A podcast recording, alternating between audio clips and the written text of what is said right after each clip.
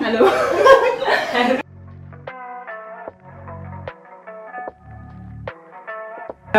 Köszönjük, hogy itt vagy, és Zsófi üdvözöllek a Kartás Pusziban.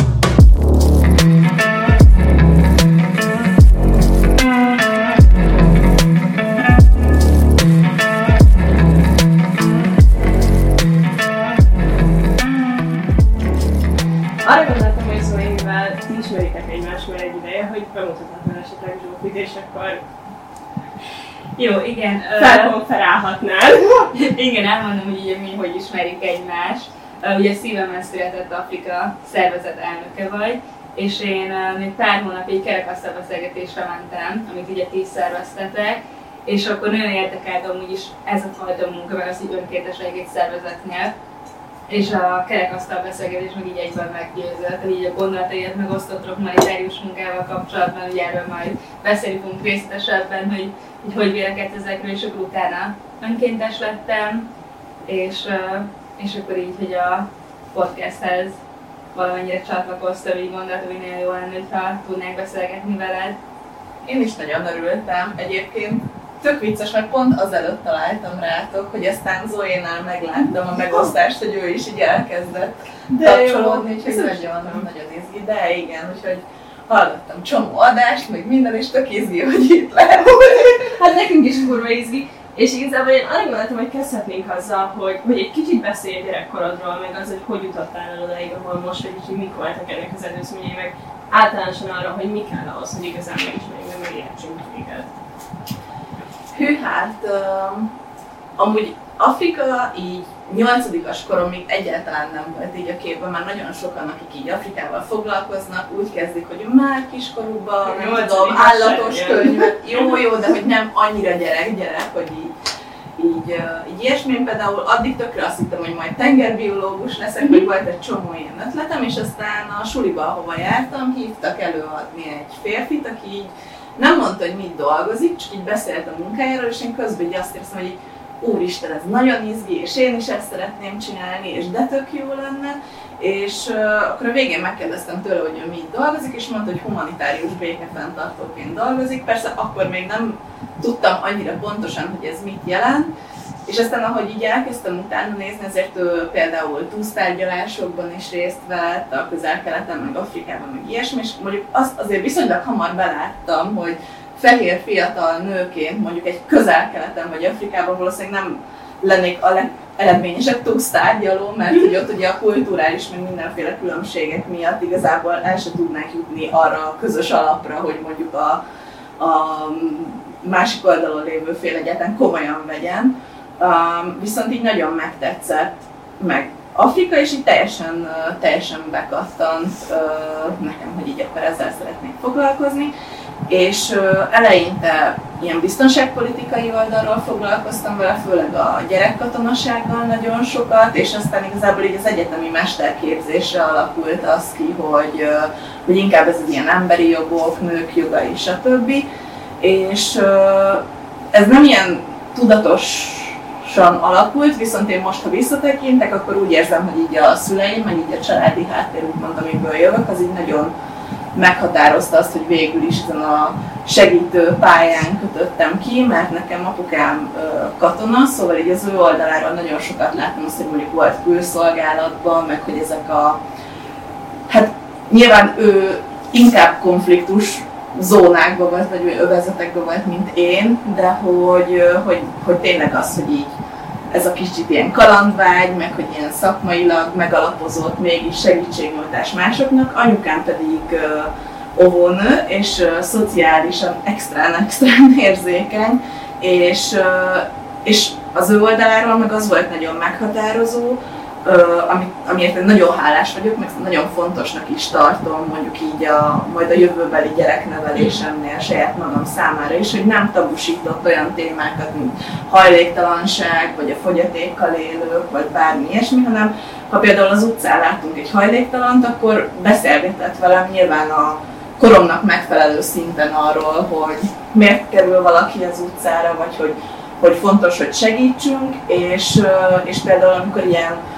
karácsonyi előtti időszak volt, vagy akármilyen ilyen kampány, akkor abban mondjuk mindig megbeszélte velünk, hogy nem minden gyerek olyan szerencsés, mint mi a tesómmal, hogy vannak szép játékai, meg szép ruhái, és hogy akkor uh, ugye, hogy így válogassuk ki mondjuk a játékaink közül, hogy mi az, amit szívesen uh, felajánlanak, amit amúgy én nagyon jónak tartok, mert most, amikor a szervezettel csinálunk gyűjtést, akkor például csomó szülőm mondja, hogy amíg nem figyelt a gyerek, addig gyorsan elpakoltam a polcáról azokat a játékokat, amivel már régóta nem játszik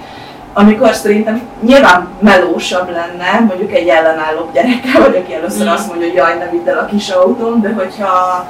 szerintem érdemes lenne belefektetni ezt, hogy megbeszélni vele már kiskorától, hogy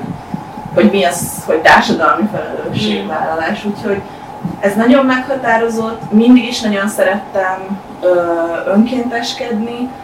de így az évek alatt ö, egyébként főleg ö, daganatos beteg gyerekekkel a bátortáborban önkénteskedtem, meg a Tűzoltó utcai klinikán,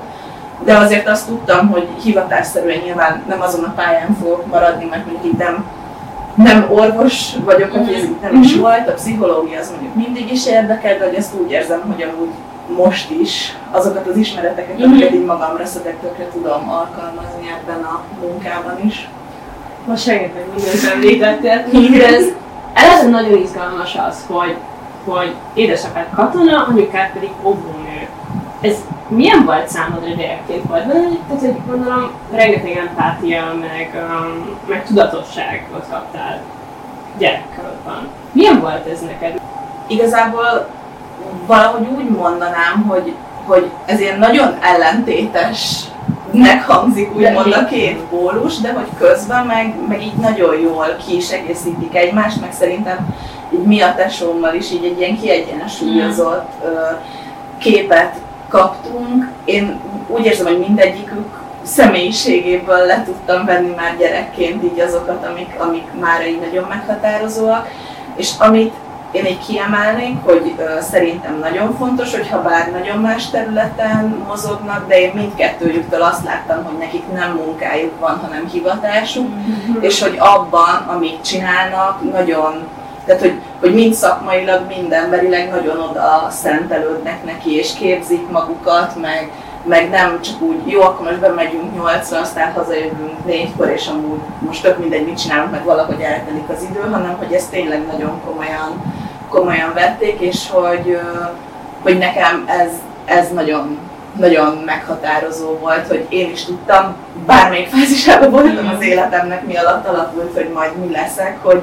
hogy, hogy nem egy nem azért szeretnék dolgozni, hogy pénzt keresek, már nyilván mindenki pénzből él, szóval, hogy, hogy egy fontos tényező, csak hogy én mindig is szerettem volna, hogy így a munkámnak legyen egy valami többlettartalma, meg hogy ha már valamit választok, akkor abban tényleg jó legyek. És neked mi volt a központban? A szenvedély, vagy a szociális érzékenység, vagy a segíteni akarás? Azt hiszem, hogy amúgy így az emberek, vagy az, hogy így emberekkel foglalkozzak, mert hogy így nagyon tehát hogy olyan értelemben is szociális voltam már kiskoromtól fog, hogy mindig sok barátom volt, meg ugye én nagyon szerettem, nem tudom, emberekkel lenni, meg, meg most, ha így visszatekintek, akkor például lesz, hogy úgymond magam köré szervezek embereket, ez is mindig megvolt, mert nem tudom,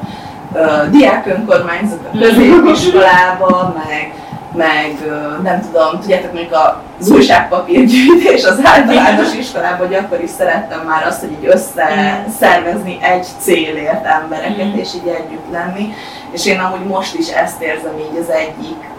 legfontosabbnak, hogy ebben, amit csinálok, hogy nagyon jó érzés, hogy nem egy ilyen egyszemélyes csillagharcos vagyok, mm. úgymond, hanem,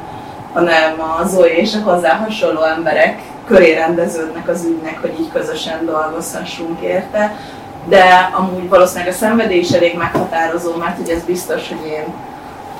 azért így mostanra, idén lettem 30 éves, és hogy így mostanra egy kicsit így ki egyenlítődött így a vehemenciám talán, de hogy én mindig is szóval hogy például nagyon dühös tudok lenni a mai napig, ha úgy érzem, hogy igazságtalanul bánnak társadalmi csoportokkal, vagy hogy nekem például az Afrikával való foglalkozásban is a kezdetekkor egy nagyon meghatározó érzés volt, hogy én egyszerűen nem tudom elfogadni, hogy emberek életét ennyire determinálja az, hogy hova születnek, és hogy, amúgy ki tudja, hogy mondjuk hány rákutató vagy felfedező kallódik el úgymond azok a gyerekek között, akikkel dolgozunk Afrikában pusztán azért, mert amúgy nem tud mondjuk egy olyan oktatáshoz hozzájutni, mintha itt lenne, vagy valahol Európában. Ez egy nagyon erős igazságérzet.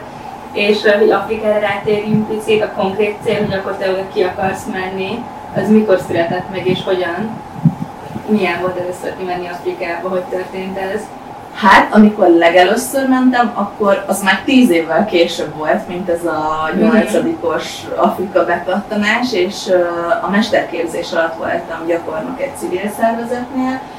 egy Afrikával foglalkozó civil szervezetnél, és akkor ott adódott a lehetőség, hogy ment egy orvos misszió Ugandába, és így be tudja csatlakozni, mint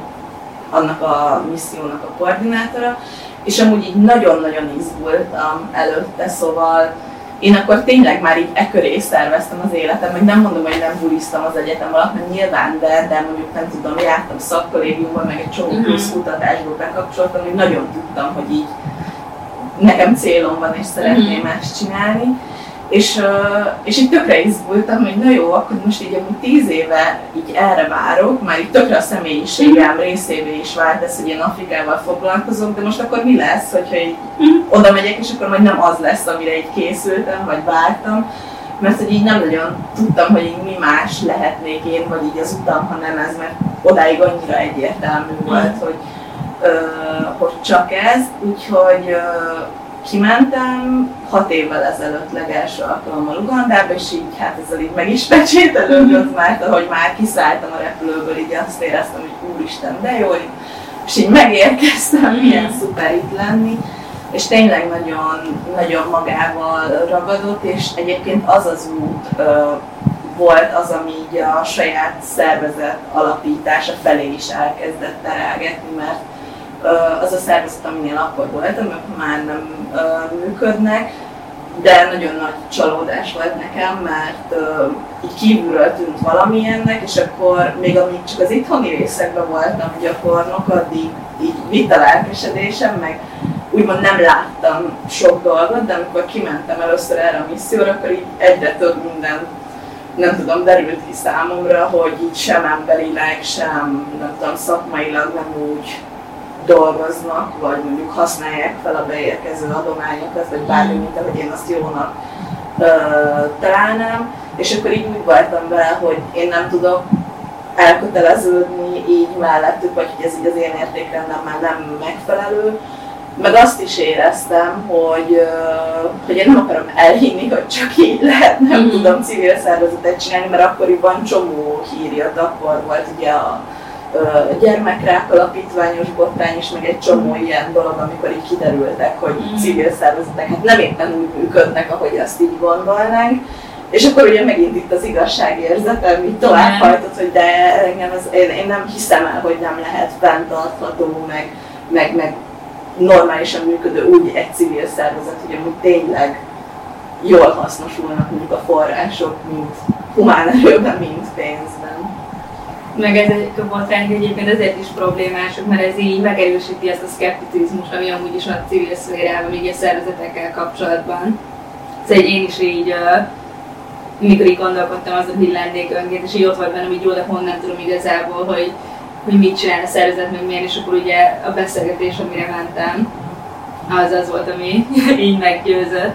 És, és milyenek voltak még így a tapasztalataid ezen az első úton Ugandában? Hát nagyon intenzívek. Amúgy van is egy olyan, vagy itt szokták is mondani, hogy amúgy Afrikába egyszer lehet először menni, és ezzel mm-hmm. így tökre egyetértek. Szóval én a mai napig nagyon-nagyon szeretek oda menni, de semmi sem fogható ahhoz, amikor Igen, először uh, érkezel meg. És uh, ezt tegyük hozzá gyorsan, hogy ugye a szívem ezt Afrika, főként Ugandában és Kenyában uh, dolgozik, de majd még beszélünk arról, hogy így pontosan a munkátogat, hogy Ugandában. Igen, és hogy szóval így nagyon, nagyon intenzív volt, és egyébként pozitív értelemben is, mármint úgy is, hogy még sokkal jobb volt, mint amire számítottam. Viszont annak ellenére, hogy akkor, ahogy már említettem, tíz éve készültem arra, hogy én amúgy Afrikával szeretnék foglalkozni, meg nyilván csomó kutatást olvastam, meg könyveket, meg filmet láttam, meg minden, de mégis azért eléggé arcon csapott mm-hmm. mondjuk így a szegénységnek, vagy a nyomornak az a léptéke, vagy mértéke, amit ott akkor láttam. Meg amúgy nyilván az is volt, hogy ott egy hónapig szorosan együtt éltünk egy közösséggel, és tök más mondjuk a maláriás halálozás adatokat adatként kezelni, vagy az, hogy mondjuk ezeknek már arca lesz, mert megismersz mm. embereket, akiket érint. Um, és egyébként utána nagyon nehéz volt így visszaránszkodni így az itthoni életbe, szóval nem lehetett amúgy egyszerű a barátomnak lenni abban az időben, mert hogy így, így magammal kapcsolatban sem voltam túl megengedő, meg így a környezetemmel kapcsolatban sem, mert így úgy éreztem, hogy most jó, így emberek panaszkodnak dolgokra, de amúgy ez mondjuk semmi ahhoz képest, mm. amit láttam, és ami ez például nagyon sokat változott, szóval attól függetlenül, hogy mind a mai napig, nem tudom, találkozom tényleg nagyon megrázó emberi sorsokkal, de mondjuk mára tényleg úgy gondolom, hogy amúgy meg minden élet, vagy tehát minden embernek a saját élete, drámája a legnagyobb, mm. szóval, hogy nyilván nem lehet elbogatelizálni valaki szomorúságát, vagy dühét, vagy hiányát, azért, mert van, akinek rosszabb, mert Igen. neki meg az a legrosszabb, amit ő érez. Igen, hogy akkor Igen, tud értékelni. Igen, az érdekel nagyon, hogy, hogy igazából volt egy ilyen akár tíz éves várakozás Afrikába, és amikor egyszer kijutsz, és így megcsap Afrika, és, és nyilván kutattad, és látod, és, és ott vagy, hogy tudod, hogy segíteni szeretnél. Van egy millió dolog, amivel tudnál foglalkozni, akkor így mi volt benned, hogy hol kezded el az egészet, hogy hogy tudsz te változást csinálni? Igen, amúgy ez is egy nagyon jó kérdés, mert uh, amúgy szerintem nem csak így Afrika vonatkozásában, hanem bárki akármilyen segítségnyújtással elkezd foglalkozni. Nyilván egy ponton demotiváló lehet az, hogy tudod, hogy nem fogod tudni megmenteni így az egész világot, vagy mondjuk nem tudsz megszüntetni úgy egy olyan problémát, mint mondjuk szegénység, vagy éhezés, vagy valami. Szóval, hogy ehhez eleve nem elég egy szervezet, de pláne nem amúgy egy kis ország kis szervezete. És nekem amúgy szerintem az a kulcs, ami a mai napig is meghatározza nagyon a szervezet életét, hogy, hogy úgy segítünk, ahogy a helyieknek az jó, szóval, hogy én nagyon nem hiszek abban, amit nagyon sok szervezet így a világban úgymond csinál, hogy mondjuk az európai irodájában ülve kigondolja, hogy na most vajon mi lenne a legmegfelelőbb segítség oda, és mondjuk egy teljesen működésképtelen dolog, vagy a helyiek nem érzik magukének, és akkor az el fog halni, hanem, hanem nekem már kezdettől nagyon fontos volt az, hogy ahogy mondtam is, ott együtt éltünk velük, szóval egyrészt nagyon sok olyan problémára ráláttam, ugye ez végül is egy ilyen antropológiai módszertan is, bár nem, nem ez volt így mögötte feltétlenül, hanem én abban hiszek, hogy tényleg velük élve tudunk igazán segíteni, de hogy ugye ezt figyelik ilyen, vagy ezt hívják ilyen megfigyeléses módszertannak, hogy igazából közöttük érsz, és rálátsz egy csomó olyan problémára, amit lehet, hogy egy beszélgetés kapcsán ő nem nevezne meg problémának, neked meg nem jutna eszedbe rákérdezni, de hogy, de hogy úgy, hogy így látod, akkor az elindíthat egy beszélgetést és, és ezen kívül meg én a mesterképzéses diplomamunkámhoz ott a közösségbeli nőkkel csináltam interjúkat, Fláviának, a helyi segítőnknek a segítségével, mert ugye fordítani kellett, hogy ezeket a kérdéseket megértsék, és igazából nagyon egyértelmű dolgok rajzolódtak ki így a válaszaikból, mert mint hogy sok nővel készítettem ilyen beszélgetést, és voltak olyan visszatérő dolgok, ami mindegyiküknél probléma volt, vagy egy ilyen ismétlődő mintázat, és akkor annak megfelelően kezdtünk el uh, így segíteni. Mik voltak ezek a dolgok? Hát uh, Például az, hogy a, mondjuk a ma felnőtt korú nők ezen a Manafa nevű településen, ahol elkezdtünk dolgozni, mondjuk nem is járhattak egyáltalán iskolába, vagy pedig maximum az általános iskola alsó tagozatáig jutottak. Nem nagyon van végzettségük, vagy így képesítésük, és emiatt is nagyon kitettek így a férjeiknek, vagy mindig egy adott férfi rokonnak, mert ott ugye mondjuk az, hogy én akkoriban például egyedül éltem egy pesti albérletben, az ilyen értelmezhetetlen volt, mert hogy ott az van, hogy amíg úgymond gyerek vagy, vagy fiatal, addig az apád és a fiú testvéreid rendelkeznek kvázi feletted, és utána pedig ugye a férjed. Um, és uh, ugye ez a leányanyaság, gyermekházasság, hogy ott például 13 éves korú körül már anyukák voltak mondjuk ezek a nők, um, és nyilván nem, egy csomószor nem saját akaratukból, most a legtöbbször nem inkább így mondom, szóval, hogy a házasságokat úgymond ilyen üzleti alapon köttetnek, mert van egy ö, ilyen tradíció, ami amúgy még szép is lehetne, csak egy nyilván máshogy használják, hogy ö, a fiú a lány családjának ad ajándékot, ami régen, nem tudom, szarvasmarha volt, vagy kecske, most meg így már többször pénz, aminek igazából az az eredet, hogy ezzel megköszönni a szüleinek, hogy ilyen jó feleséget neveltek fel neki, de hogy valójában már ez nem egy ilyen hála kifejezés, hogy bármit adsz, annak örülünk, mm. hanem ugye egy ilyen tök komoly üzlet, hogy úgymond megvan a lány ára, szóval itt nagyon sok család pénzkereseti lehetőségnek tekint a lányokra, hogy, hogy eladja őket kvázi feleségnek. Szóval, hogy ez is egy, egy probléma volt, meg az, hogy tényleg így maximum a földművelési feladatokból tudtak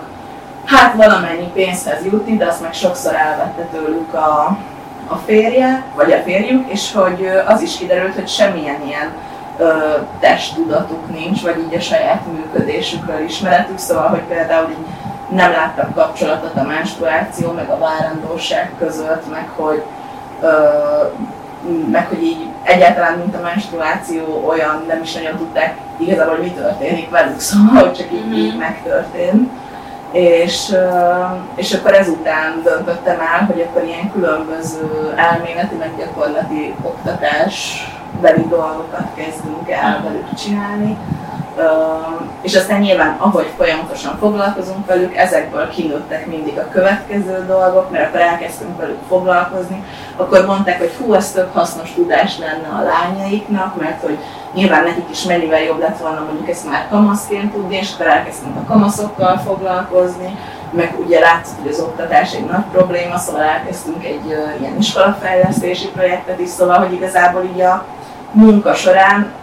jöttek elő azok a következő lépések, amivel így érdemes foglalkozni. Uh, szerintem az nagyon érdekes, hogy mondtad még vissza egy kicsit, hogy erre az üzletre, hogy ez gyakorlatilag egy tradíció. És hogyha találkozunk um, ilyen igazából szexis tradíciókkal, meg kulturális dolgokkal, én, nekem az egyik barátom Tanzániába járt uh, suliba, és nagyon sokat beszélgettünk erről, mert ő Tanzániában volt, egy nyilván egy nagyon szegény helyen, egy olyan iskolában, ami nemzetközi közeg volt, ami pedig nagyon nyitott és,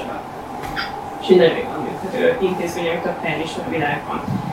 És hogy ez micsoda egy paradoxon, egy ilyen iskolában lenni, egy olyan faluban. És az a kérdésem, hogy amikor találkozol ezeket a tradíciókkal, beszámolnak neked erre a nők, akkor hogy, hogy tudod azt megtenni, hogy tiszteled a kultúrát, és tisztelettel állsz feléjük is ezekkel a dolgokkal kapcsolatban, de mégis, mégis rámutat a problémára. És, és felveted, hogy, hogy ez hogy működhetne másképp, vagy hogy kinyitod a perspektívát, vagy hogy tudod ezt tisztelettel csinálni. Hát igen, egyébként ez, az, ez az egyik legnagyobb kihívás, meg amúgy mindig a kérdés, hogy, hogy mi az, amivel még így nem avatkozol be túlságosan, mert hogy arra azért nyilván mi nagyon figyelünk, hogy így ne ítélkezzünk felettük, meg amúgy azt gondolom, hogy ami az ilyen nagyon mélyen gyökerező ilyen törzsi hitrendszer, meg szokásrendszerből fakadó, nagyon nehéz lenne mm, felülírni, mert hogy most ez olyan, mint hogy egy akármilyen mondjuk egy mélyen hívő kereszténynek próbálnád, nem tudom, bármit elmagyarázni, ami a vallásával szembe megy, nem fog menni. Um, alapvetően szerintem ehhez, tehát hogy hosszú, ha hosszú távon gondolkozunk, akkor egészen biztos, hogy az oktatás a kulcs, uh-huh. mert mondjuk azok a lányok, akik tudnak iskolába járni, már jobban tudatában lesznek így ezeknek a dolgoknak, meg azok a fiúk is máshogy fognak azért a nőkhöz állni, akik ugye részt vesznek az oktatásba, plusz ők majd egy másféle szülőpár lesznek a saját gyereküknek, Szóval nagyon sok dolog, amit egyébként csinálunk, annak ilyen generációs hatása van inkább, és nem kizárólag mm. így a napjainkban. De hogy ami a felnőtteket illeti, ott meg nagyon-nagyon-nagyon sok szemléletformáló beszélgetés, és például a közösségben a férfiakkal is foglalkozunk, ott, a, ott fiú önkéntesek, mert azért az, hogy Szóval hogy valószínűleg tőlem kevésbé fogadnák el, hogyha elkezdenék arról beszélni, hogy nem szükséges 13 gyereket csinálni, meg, meg hogy ilyesmi. Meg például van egy olyan programunk, ami azt támogatja, hogy a kamaszlányok minél hosszabb ideig így az oktatásban maradhassanak, és akkor magyar támogatók tudják tá- így a tandíjuk, a tandíjat támogatni a, a lányoknak, és ott például tényleg az volt, hogy összehívtunk ilyen falugyűlést, meg házról házra is elmentünk az érintett családokhoz, és amúgy például nagyon sok szülő onnantól fogva, hogy úgymond nem a, az ő vállát nyomja az az anyagi teher, hogy iskoláztatni kell a lányát, akkor lehet jobb belátásra téríteni, hogy akkor még mhm. legalább úgymond azt hagyja, hogy az érettségi ö, eljussanak, és, és ez azért tök, tök sokszor működik. Nyilván van olyan férfi vagy családfő, aki mondjuk így nagyon vaskalapos, és nem tudjuk jobb belátásra téríteni, de nagyon sokszor egyébként az, hogy behozol más szempontokat, más segít. Szóval, hogy én például, amikor előadást tartok, akkor el szoktam mondani, hogy nyilván beszélünk sokat így a nők helyzetéről, és akkor így a hallgatóság hajlamos azt hinni, hogy úristen, mekkora seggfejek a férfiak ott, hogy így nem tudom, ezt csinálják de hogy amúgy nagyon sokszor csak annyi van, hogy egyszerűen, tehát hogy nem az van, hogy ismernek egy más alternatívát, és döntenek, hogy így fognak élni, hanem hogy mondjuk évtizedek, meg évszázadok óta ezek a szokások alakultak ki, és mondjuk náluk még nincs, nem tudom, tévé, mondjuk ebbe a faluban, meg ilyenek, szóval hogy nem látnak más ö, mintákat, és hogy onnantól fogva, hogy elkezdesz velük ezekről beszélni, vagy például az, hogy amikor elkezdték megérezni, hogy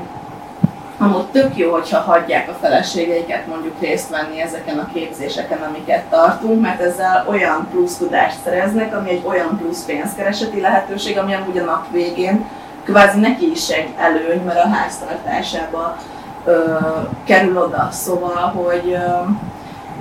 és nagyon érdekes egyébként, hogy egy csomószor az ember azt hinné, hogy mondjuk egy kérdés így csak a férfiakon múlik, vagy kizárólag a férfiakon, és aztán, ahogy elkezdünk foglalkozni a témával, kiderül, hogy nem. Mert például, amikor így a tudatos családtervezés témájában, meg ugye az ilyen szexuális úton terjedő betegségek, stb.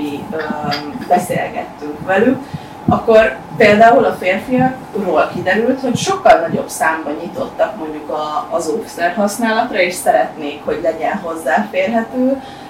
miközben a nők meg teljesen pánikba estek, hogy ők attól félnek, hogy a megcsalások száma nőne, hogyha korlátlanul hozzáférhető lenne a férjeiknek az óvszer, mert hogy akkor az, aki mondjuk gondol arra, hogy nem akar három másik nőtől is gyereket, akkor kvázi ezzel attól még meg tudná őt úgy csalni, hogy, hogy amúgy ez a probléma elhárulna. És mennyire voltak ott rátok nyitottak a férfiak? De úgy általában. Hát amúgy ezen a területen elég nyitottak voltak, Ö, mondjuk ehhez az is kellett, hogy mi kezdettől nagyon transzparensen kommunikáltunk velük, szóval én arra eléggé figyeltem, hogy most ne azt lássák, hogy na jól van, jönnek ezek a fehérek, maguk köré a nőket, ott nem tudom, sutyorognak valamiről, mi nem tudjuk, hogy mi történik, mert hogy akkor nyilván amúgy hihetnék azt, hogy én nem Igen. tudom, ellenük hangoljuk őket, vagy bármi, szóval, hogy nagyon fontos volt, hogy így végig be voltak abba vonva, hogy így mibe vagyunk, mivel foglalkozunk, meg ilyesmi. Uh, és tényleg, ahogy így mondjuk nőtt a projekt, például nagyon vicces, hogy ilyen papírgyöngy készítéssel is foglalkoznak a nők, amiből uh, ékszereket készítenek, és akkor az egy amúgy egész nagy bevételi forrás nekik. És akkor egyik reggel, amikor ott voltunk, akkor így arra mentem ki a házból, hogy a férfiaknak egy küldöttsége ott várt az ajtó előtt, hogy ők is akarnak gyöngyöt csinálni, mert hogy látják, hogy lehet vele, nem tudom, pénzt keresni, meg ilyenek, és akkor így nyilván megbeszéltük velük, hogy azért a papírgyöngy készítést mi szeretnénk, hogyha így megmaradna a nőknek, így a mhm. sajátjuknak, de hogy akkor elkezdünk azon gondolkozni, hogy mondjuk ők mit tudnának mm. tanulni, ami, ami egy ilyen pénzkereseti forrás. És nyilván nem akarok ilyen túlzottan, tehát hogy nem akarom most azt mondani, hogy száz százalékban így működik, mert nyilván ott is van olyan férfi, de ugye a nők között is van olyan, aki inkább azt mondja, hogy jó, most ezt így nem tudom, túl melós ez az út, ami, ami velünk jön, szóval, hogy nyilván van olyan, aki, aki ebbe így nem, nem áll bele, de hogy, hogy ezen az első területen, ahol Ugandában elkezdtünk dolgozni, itt, itt tényleg van nyitottság. A többi területen, ahol ilyen kicsit hardcore témákkal foglalkozunk, mert ott mondjuk bejön már ilyen emberkereskedelem, meg például Ugandában egy másik területen, ahol dolgozunk, ott bizonyos részei jelenleg is vannak ö, aktív törzsi konfliktusok, amit mondjuk a férfiak tartanak fenn. Az nyilván teljesen más, mert ott sokkal a, a körülmények, meg a téma miatt ott sokkal nehezebb mondjuk a férfiakkal egyáltalán beszélni, szóval. Még mielőtt így a humanitárius munkáról szeretnénk beszélni mindenkit, hogy így a szervezet alakulására visszatérjünk picit, hogy akkor ugye kint voltál az első úton hat éve, és akkor láttad a problémákat így a szervezettel kapcsolatban, és hazajöttél, és akkor hogy indult el az, hogy akkor te egy szervezetet elindít? Hát a Steven már született Afrika, az amúgy egy blognak indult, uh, így pont ez az első út alatt meg után, és akkor még egy kis ideig voltam ennél a szervezetnél, amit így említettem, aztán onnan ismerem a férjemet Balást is, mert hogy nem konkrétan a szervezetnél, de hogy uh, annak, akinek a civil szervezet a tulajdonában volt, volt a üzleti vállalkozás, és, és az egyiknél dolgozott Balázs, afrikai területen, és hogy így ott uh, ismerkedtünk meg, és akkor ő már így mindig így bátorította arra, hogy hogy így vágjak bele valami sajátba, mert hogy így látta, hogy nekem ez tényleg szívügyem, meg hogy úgymond megvisel, hogy nem tudnak úgy haladni a dolgok, ahogy amúgy lehetne. És neked ez már eszedbe jutott azon a ponton egyébként? Hogy esetleg hát, belekezdj valamiben? Igen, amúgy szerettem volna, de így azt hiszem, hogy így nagy szükség volt hozzá rá, mm. hogy így bátorítson arra, hogy akkor ez így, nem tudom, sikerülni fog, meg vágjak bele, és amúgy ez így mind a mai napig így van, hogy én így egy csomószor vagy sokkal hamarabb elbizonytalanodok, hogy ez most itt elég jó-e, meg nem tudom. Mitől bizonytalanodsz Hát, néha olyan, tehát hogy, hogy mindig így azt érzem, hogy amikor mondjuk így jön egy ilyen hullámvölgy, és kilábalnánk belőle, úgymond, akkor jön egy következő. Szóval épp, hogy megalakult a szervezet, januárban lett hivatalosan bejegyezve, ugye márciusban kitört a Covid, és mm. akkor hirtelen így ott voltunk, hogy jó, hát most erre tettünk fel, hogy van mindent, vagy hogy így egy lapra, hogy akkor most így mihez kezdjek már, hogy, hogy nem tudunk rendezvényt tartani, hogy kommunikáljunk az emberekkel, ugye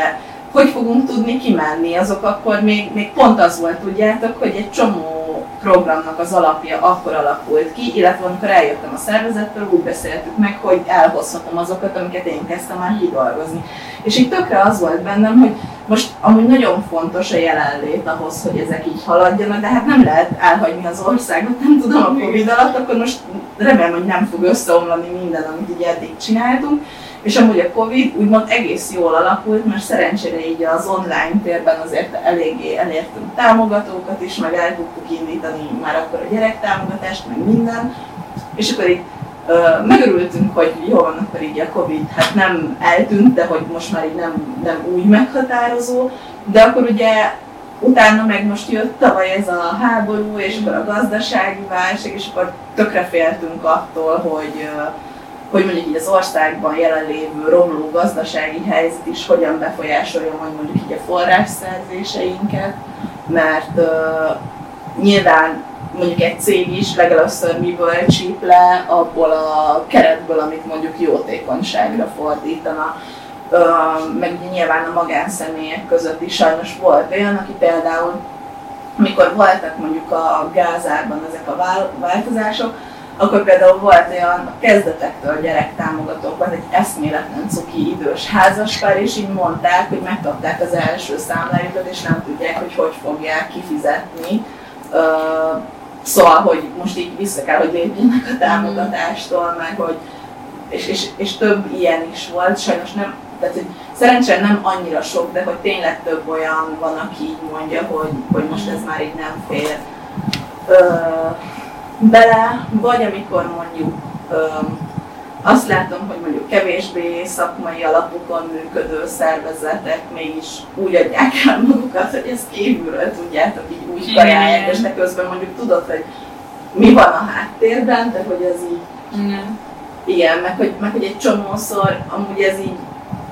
ez így rossz, mert nyilván nem, nem kéne összehasonlítani magunkat. Szerintem a szervezet amúgy nagyon magas szakmai munkát végez, meg hogy, hogy ha, tehát ilyen nyugat-európai sztenderdek szerint működünk, úgymond, viszont egy csomószor engem tökre így uh, tud demotiválni, hogy, hogy így amúgy basszus, és hogyha én most nem tudom, nem itt élnék, hanem mondjuk Londonban, akkor mennyivel könnyebb lenne ott boldogulni, mert hogy itt nagyon sokszor még mindig ott tartunk, hogy ha de miért Afrikába, Borsodba is Ja. lehetne segíteni, meg nem ezt akkor- akartam kérdezni, hogy ezt igen, szóval hogy amikor így oda jönnek, én így szívemet, lelkemet kiteszem, mondjuk van egy ilyen feszítettebb időszak, és akkor meglátod, hogy kirakod a, a, a bejegyzést mondjuk, és akkor oda megy valaki fröcsögni alá, meg nem tudom, hogy ez meg a Nyilván nem azt mondom, hogy úgy kedvetlenedek el, hogy most így ágynak dőlök, hogy na jó, én nem csinálok semmit, csak egy csomószor így azt érzem, hogy, hogy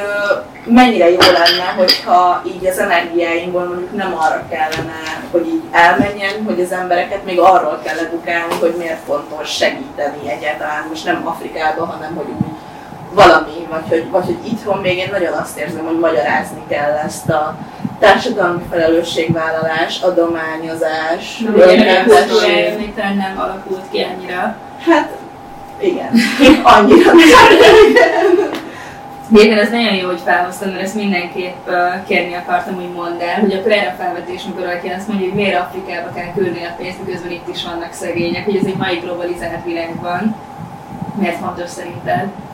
Hát egyrészt azért, és szerintem nem az az elsődleges ok, de amúgy azt a jellegű kommentelőt mondjuk, aki ilyennel talál be, a legjobban azzal lehet leszerelni, hogy, hogy neki valószínűleg ő, a, ő, ez a, ő az a kategória, akinek problémája van a migrációval, meg a minek jönnek ide, meg minek ez, meg minek az. Szóval az ilyen típusú embernek például, amúgy szerintem az egy jó válasz, hogy nézze úgy, hogy ha ott segítesz, ahol a probléma keletkezik, akkor mondjuk az az ember nem biztos, hogy, hogy elindul. Um, de én ezt azért nem szeretem például a mi esetünkben használni, mert mondjuk Ugandából nem, nem, az nem egy tipikusan mondjuk ilyen migrációs útvonalon fekvő ország, vagy ilyesmi, szóval, hogy én nem, nem szeretném a helyén kezelni, és, és hogy inkább az emberek tudják azt, hogy amúgy nem akar onnan mindenki idejönni, és amúgy az ottani emberek valójában a legjobban azt szeretnék, hogy a szülőföldjükön tudjanak boldogulni, és, és nem, ők sem vágynak arra, hogy nem tudom, lélekvesztő hajókon, meg át a szaharán, meg minden um, jöjjenek. De a másik, ami viszont szerintem nagyon igaz, az az, hogy a mai globalizált világban egyszerűen nem lehet az, hogy úgymond a nagy közösből kivesszük így a jót, és közben meg nem teszünk bele semmit, mert gondolom a legtöbb ember például iszik kávét, én ezt szoktam például hozni, hogy nem hiszem, hogy az alföldi kávéföldeken szedett kávébabból készült kávét használja, vagy nem tudom, eszünk avokádót, eszünk csokit, ami mind olyan dolog, ami, ami így onnan jön, vagy a pamut a ruhákhoz, amit hordunk, Szóval, hogy szerintem az nem, vagy ha azt veszük, akkor az összes ö, elektronikai eszközünkhöz az alkatrészeket azt mondjuk afrikai bányákból ö, bányázták, és hogyha ha például, nem tudom, megveszünk egy új okostelefont, akkor igazán segíthetünk olyan törekvést, hogy mondjuk a bányákban ne gyerekmunkába rossz körülmények között um,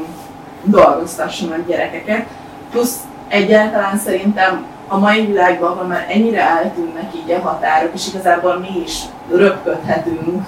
ahova csak akarunk, meg minden, akkor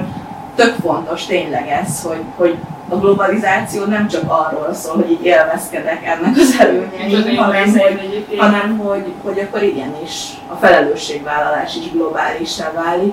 De amúgy meg nagyon sokszor, ha valaki nagyon belénk áll mondjuk egy ilyen kérdésre, és én például az önkénteseknek is azt szoktam mondani ilyen standolás előtt, hogy csak kérdezzenek vissza, hogy miért te hol segítesz. Mert amúgy a legtöbb ember, aki beléd áll azzal, hogy miért valahol segítesz, vagy miért ezt vagy azt csinálod, az Az esetek nagyon nagy részében amúgy sehol nem segít, Igen. mert az, akiben megvan arra a nyitottság, hogy társadalmi ügyek mellé odaálljon, az pontosan látni fogja, hogy amúgy hányféle helyen lehet Igen. segíteni. Mert akkor ennyiről, hogyha valaki mondjuk daganatos beteg gyerekeknek segít, akkor az, azok miért nem, nem tudom, roma integrációs projektekbe segítenek, vagy, vagy bármi, szóval mindig lehetne azt mondani, hogy miért nem ebbe, vagy miért nem abba. Sok ilyet kapsz egyébként?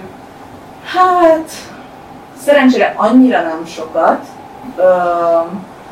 de azért ahhoz képest elég sokat, hogy, hogy, hogy, hogy szerintem, tehát hogy- úgy érzem, hogy ez még kapcsolódik ahhoz, hogy egyáltalán ugye támogatásnak nincs is kultúrája. De hogy egyébként azt is szeretném elmondani, mert most az elmúlt percek azok ilyen negatívra sikerülnek, hogy amúgy viszont az egyik, amit a leges legjobban szeretek ebbe, hogy amúgy tényleg nagyon-nagyon sok csodálatos emberrel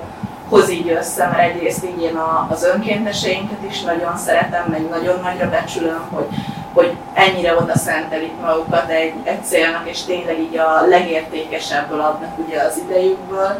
meg a támogatókat is, meg kapunk tök kedves leveleket, meg mondjuk olyan történeteket, hogy amikor most is az egyik gyerektámogatónk írta, hogy mondjuk azért lett gyerektámogató, mert nem lehet gyerekük, és szeretné ezzel kicsit ő is, nem tudom, így átélni mondjuk az anyaságot, vagy, vagy bármi ilyen. Szóval hogy ebben így most is belelivagöröztem, hogy így mondom, szóval hogy nagyon-nagyon sok ilyen szép történet van, meg sikertörténet, meg hogy én a saját ismerősi körömben is láttam, hogy úgymond a legváratlanabb helyekről is jött pozitív visszacsatolás, hogy tudjátok, mondjuk így kommunikálok erről, és akkor valakivel évek óta nem is beszéltem, meg amúgy sem az a típus, akiről azt feltételezném, hogy ő most így nem tudom, megérintődik ebben a témában, és mégis, szóval, hogy, hogy amúgy meg így nyilván így az emberek, akik ez az ügy köré szerveződnek, így a hajtóereje annak, hogy amikor mondjuk jön egy ilyen komment, akkor tudjak arra gondolni, hogy jó, ő most egy valaki, de hogy amúgy meg mennyi, mennyi, mennyi jó van. És ezzel mielőtt még tovább megyünk, akkor elmondod, tudom, hogy ezt nagyon sokszor kell elmondani, de hogy akkor mikkel foglalkozik a szervezet jelenleg. Igen, és próbálok rövid lenni. Um, szóval ugye Manafából indultak ezek a projektek, ott uh, nőkkel foglalkozunk, uh, különböző ilyen elméleti oktatási dolgokban, mint például ez a testtudat, meg tudatos családtervezés, meg ö, személyes higiénia, meg mindenféle ilyen ö, dolog, és szakképzés jellegű dolgokat is tanítunk nekik, például szabásvarrás, fodrászat, ilyen ezek a különböző ilyen kézműves dolgoknak a készítése, ami ugye aztán pénzkereseti lehetőséget biztosít nekik, vagy mondjuk szappankészítés, amit egyrészt tudnak arra használni, hogy a saját higiéniás körülményeiket is ö, növelik, de hogy ugye el is tudják adni. És akkor most például, hogy már van amúgy akkora bevételük, így elkezdtünk nekik ilyen üzleti alapismereteket is úgymond tanítani, szóval, hogy ne az legyen, hogy tök jó, most megkeresett pénzt és feléli az egészet, hanem hogy ezt az üzletet fenn kell tartani, szóval, hogy igenis vissza kell forgatni alapanyagba, vagy abba, hogy vegyenek majd közösen mondjuk ilyen női csoporttal egy egyen jobb varrógépet, vagy valami, szóval, hogy, hogy így az ilyen dolgokon is próbálunk segíteni. Illetve van egy iskolafejlesztési programunk, aminek keretében felépült egy iskola, aminek jelenleg egy bölcsödei csoportja, három obis csoportja, meg öt általános iskolás osztálya van. És Ugandában mindig februárban kezdődik a tanév, és most így ez a koncepció, hogy hozzáépítünk mindig egy tantermet, mert hogy így azt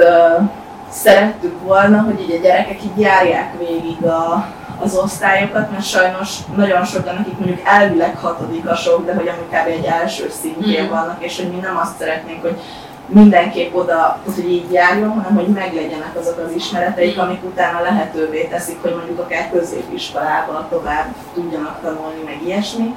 Ugye Ugandában nem ingyenes az oktatás, vannak állami és magániskolák, a magániskolákban értelemszerűen még mindenhol fizetős az oktatás, viszont az állami iskolákban is az állam nem annyira ad a tanároknak fizetést, szóval végeredményben az iskola ugyanúgy a diákoktól szed be tandíjat, hogy ugye tudjon ö, tanárokat alkalmazni, és például Manafában nem is nagyon volt így, tehát így sem az épület, sem, sem semmi. Volt egy ilyen kis épület, aminek nem túlzok, egy nagyobb szélben így inoktak a falai, szóval konkrétan életveszélyes volt, illetve nem szakképzett tanárok tanították a gyerekeket, hanem ha valaki már egy kicsit mondjuk vitatható helyességgel, de az tök mindegy volt, beszél angolul, akkor rá lehet mondani, hogy ő tanár. Mm. Szóval most van ez az iskola, és van egy gyermektámogatási programunk, amikor egy havi rendszerességű adományjal tudnak a jelképes örökbefogadó szülők, mi így hívjuk őket, egy általuk választott gyereket támogatni, amiből mi tudjuk fizetni azt, hogy legyenek rendes tanárok az iskolában, hogy a gyerekek kapjanak naponta kétszer enni, hogy legyenek tanszereik, meg szükség esetén orvosi ellátásuk, Ugye ez az étkezés is azért nagyon fontos, mert én amikor először jártam Manafába, akkor ezek a gyerekek mondjuk heti két-három alkalommal lettek, és nem is tudtak minden nap. És akkor, amikor ö, ettek, akkor is ilyen nagyon tápanyagban szegény ö, ételeket, Úgyhogy ez nagyon fontos volt. Emellett foglalkozunk kamaszlányokkal, ott hasonló programokat tartunk nekik, mint a női csoportnak. És ott nyilván így ez a pubertáskor és minden, ami vele jár, azzal is így sokat foglalkozunk velük, meg, meg hogy próbálunk arra rendszereket kiépíteni, hogy hogy, hogy tudnak segítséghez fordulni, hogy mondjuk ne váljanak családon belüli erőszak, vagy, vagy nem erőszak áldozatává, vagy kényszerházasság áldozatává. És akkor ö, időszakosan vannak orvosi misszióink, amikor meg különböző egészségügyi projekteken dolgozunk, Um, emellett elkezdtünk Uganda egy új helyszínén dolgozni Karamondzsában, ez az az aktív törzsi konfliktusos hely, amit említettem. Ott partnerségben vagyunk egy iskolával, ahol gyerekmunkából, meg gyermekprostitúcióból mentett lányoknak tanulnak, vagy tanítanak szakképzés jellegű dolgokat. Ilyen szigorúan bentlakásos, meg ott nyilván az ilyen testi, szellemi rehabilitációjukra is úgymond figyelnek, és akkor velük működünk együtt, illetve most kezdünk el egy ilyen mm, nagyon elzárt törzsi területen egy iskolát támogatni, még így velük közösen dolgozni, de majd most a novemberi misszió során fogunk legelőször utazni, és Karamodzsa is súlyosan terhelt az emberkereskedelemmel is, ezzel kapcsolatban ilyen oktatási programjaink vannak, tehát hogy hogy ne váljanak áldozatok, szóval például mm. hogy ne dőljenek be hamis álláshirdetéseknek, amik valójában nem azok. Kenyában is foglalkozunk ugyanígy. prevenciós mindegy igazából. Ebben igen, van egy kenyai partnerünk, akik ők dolgoznak azzal is, hogy felderítik ezeket az emberkereskedelmi láncokat, meg kimenekítenek nőket, és van több védett házuk, ahol meg rehabilitálják őket, vagy próbálják, ami ez nagyon nehéz, szóval sokszor annyira traumatizáltan kerülnek meg hozzájuk ezek a nők, hogy például nem szólalnak meg olyan, mintha elfelejtettek volna beszélni, és nagyon sok hónap az, hogy egyáltalán valami kommunikációra jussanak velük. És nyilván ahhoz egy folyamatos jelenlét kéne, hogy mi ebbe a részébe tudjunk bekapcsolódni, úgyhogy mi inkább azt, tehát abban a részébe kapcsolódtunk be, hogy, hogy hogy ne váljanak áldozatokká. Mert amúgy sokan hiszik azt, hogy az emberkereskedelem, még az emberrablás, ezt most olyan, hogy elkábítják, mint hogy az akciófilmekben látjuk és visszük, de ez nem így van, hanem nagyon sokszor sajnos önként sétálnak bele ebbe, mert mondjuk főleg így a, az arab országokban mondjuk, hogy takarítónőt, vagy házvezetőnőt, vagy babysitter toboroznak, nyilván mindent ígérnek, ami mondjuk ezeknek a nők számára, hát olyan, mintha nem tudom, mi megnyernénk az ötös lottót. Mm. Szóval, szóval így, így ezekkel foglalkozunk, és Kenya tengerparti régiójában pedig, pedig a szexturizmus hát igazából áldozataival, gyerekekkel főleg nem, nem akarom ezzel így elkanyarítani a beszélgetést, de hogy nyilván tehát ezek nagyon intenzív tapasztalatok, és hogy kifejezetten a női ügyekben, hogy miután ezeket úgy látod és érzed és hazajössz utána, ez milyen kontextusba helyezi nálad a feminizmust, vagy hogy mennyiben változtatta meg, vagy mit jelent ez számodra, úgyhogy ennyi mindent láttad, amit ugye mi tudjuk, hallunk róla, de nem éljük, nem, nem, tehát nem kapunk arcot ezekhez a történetekhez, és ezért érdekel, hogy hogy, hogy gondolsz a feminizmusra. Nagyon nehéz, meg nagyon nehéz igazából tényleg ezekkel így mit kezdeni, szóval, hogy nagyon, nagyon sokszor nyilván ott a helyszínen is mondjuk megérintődök ezekben, de ezek a tapasztalások egy csomószor utólag jönnek ki, mert amúgy ilyenkor az emberi lélek kb. úgy viselkedik, hogy így leeresz, és akkor így igen, tehát hogy, hogy, hogy nem biztos, hogyha ott, ott most az adott szituációban teljesen átérezni. Igen, ott az akkor, segítségre fókuszál, és nem fogod vele És hogy uh, hát szóval, hogy az például nekem nagyon, nagyon, ez pont ez az emberkereskedelem, meg a szexturizmus volt az, amikor, amikor ilyen nagyon sok nagyon sok olyan beszélgetésbe futottam bele, amikor azért így kinyílt a bicska a zsebembe, mert hogy most nyilván azt, hogy valaki ne legyen 12 évesen feleség, ezzel azért senki nem szállt velem vitába, vagy értitek, szóval hogy ezt, ezt nem kellett úgy beszélgetnem arról, hogy ez így miért nem helyes. De mondjuk a szexturizmus pont egy olyan dolog, hogy, hogy nagyon durván intézményesült igazából ez, hogy Európából... hogy arról, hogyha mesélni egy picit, hogy ez így hogy néz ki. Hogy, hogy főleg Európából férfiak, mondjuk, és egyébként nők is, szóval ez is tök megdöbbentő, hogy nagyon sok nő megy úgy oda, hogy a fiatalabb afrikai fiúkkal ott nem tudom, jól érezze magát, de hogy, hogy és, és ennek a témának kapcsán nagyon sokszor találkozom sajnos azzal, mint ahogy mondjuk nagyon sokan a prostitúcióról vélekednek, hogy hát, hogy már nem lenne muszáj ezt dolgoznia, de ő döntött úgy, hogy ezt mhm. dolgozza. És hogy, hogy tehát, hogy ilyen, ilyenkor én ezért elég ideges tudok lenni, mert hogy, hogy nyilván nektek nem kell mondanom, de hogy azért nem, még ha, még ha úgymond úgy tűnik, hogy önként is dönt így. Mondhatjuk-e azt, hogy egy nő önként dönt erről, amikor amúgy nincs egy csomó mindennek tudatában, mm-hmm. meg nem olyan a szociális háttere, meg nem olyan az oktatása, meg minden. És hogy, hogy, hogy engem nagyon felháborít mondjuk ez, hogy még egy ilyen témának mindig az a az ilyen többségi társadalombeli megközelítése nem az, hogy egy férfi amúgy miért utazik mondjuk oda, mm. és nem tudom, költ erre pénzt, és miért nem zavarja, hogy amúgy nem kell egy nagy Sherlock Holmesnak lenni, hogy érezze, hogy potom pénzt fizet. Tehát, hogy értek, nem arról az, hogy, hogy miért veszi igénybe, de még azon se gondolkozik, hogy basszus, amúgy normális, hogy ezért nem tudom 100 forintnak megfelelő pénzeket, meg ilyeneket. Uh, fizetek ki, szóval, hogy engem igazából ebben az zavar, hogy a párbeszéd még meg mindig arról szól. Az legelső lépés előtt. Igen. Igen, igen az, szóval, amit mondta, hogy a lányoknak, nekik ugye nincs megfelelően tudásuk ezzel kapcsolatban, a nyugati férfiak, akik oda mennek, nekik viszont igen. megvan. Igen, vagy, vagy például az is, na nekem az volt például ebben a, a témában így a legmegdöbbentőbb, hogy mondjuk milyen, ott ezt, ott ezt például helyi ettől tudtuk meg, hogy milyen durva ilyen pedofil hálózatok vannak kiépülve, európai pedofil hálózatok, akik így nem tudom a dark web de amúgy sokszor még Whatsappon is kontaktokat küldözgetnek egymásnak, hogy igen, és akkor elmész mondjuk a Diany Beach nevű helyre, ahol itt ez a szám, ennek ír, és akkor milyen kódszót mondja a tuk-tuk sofőrnek, hogy tudja, oh, hogy téged kiskorúhoz vigyen, meg ilyenek. És,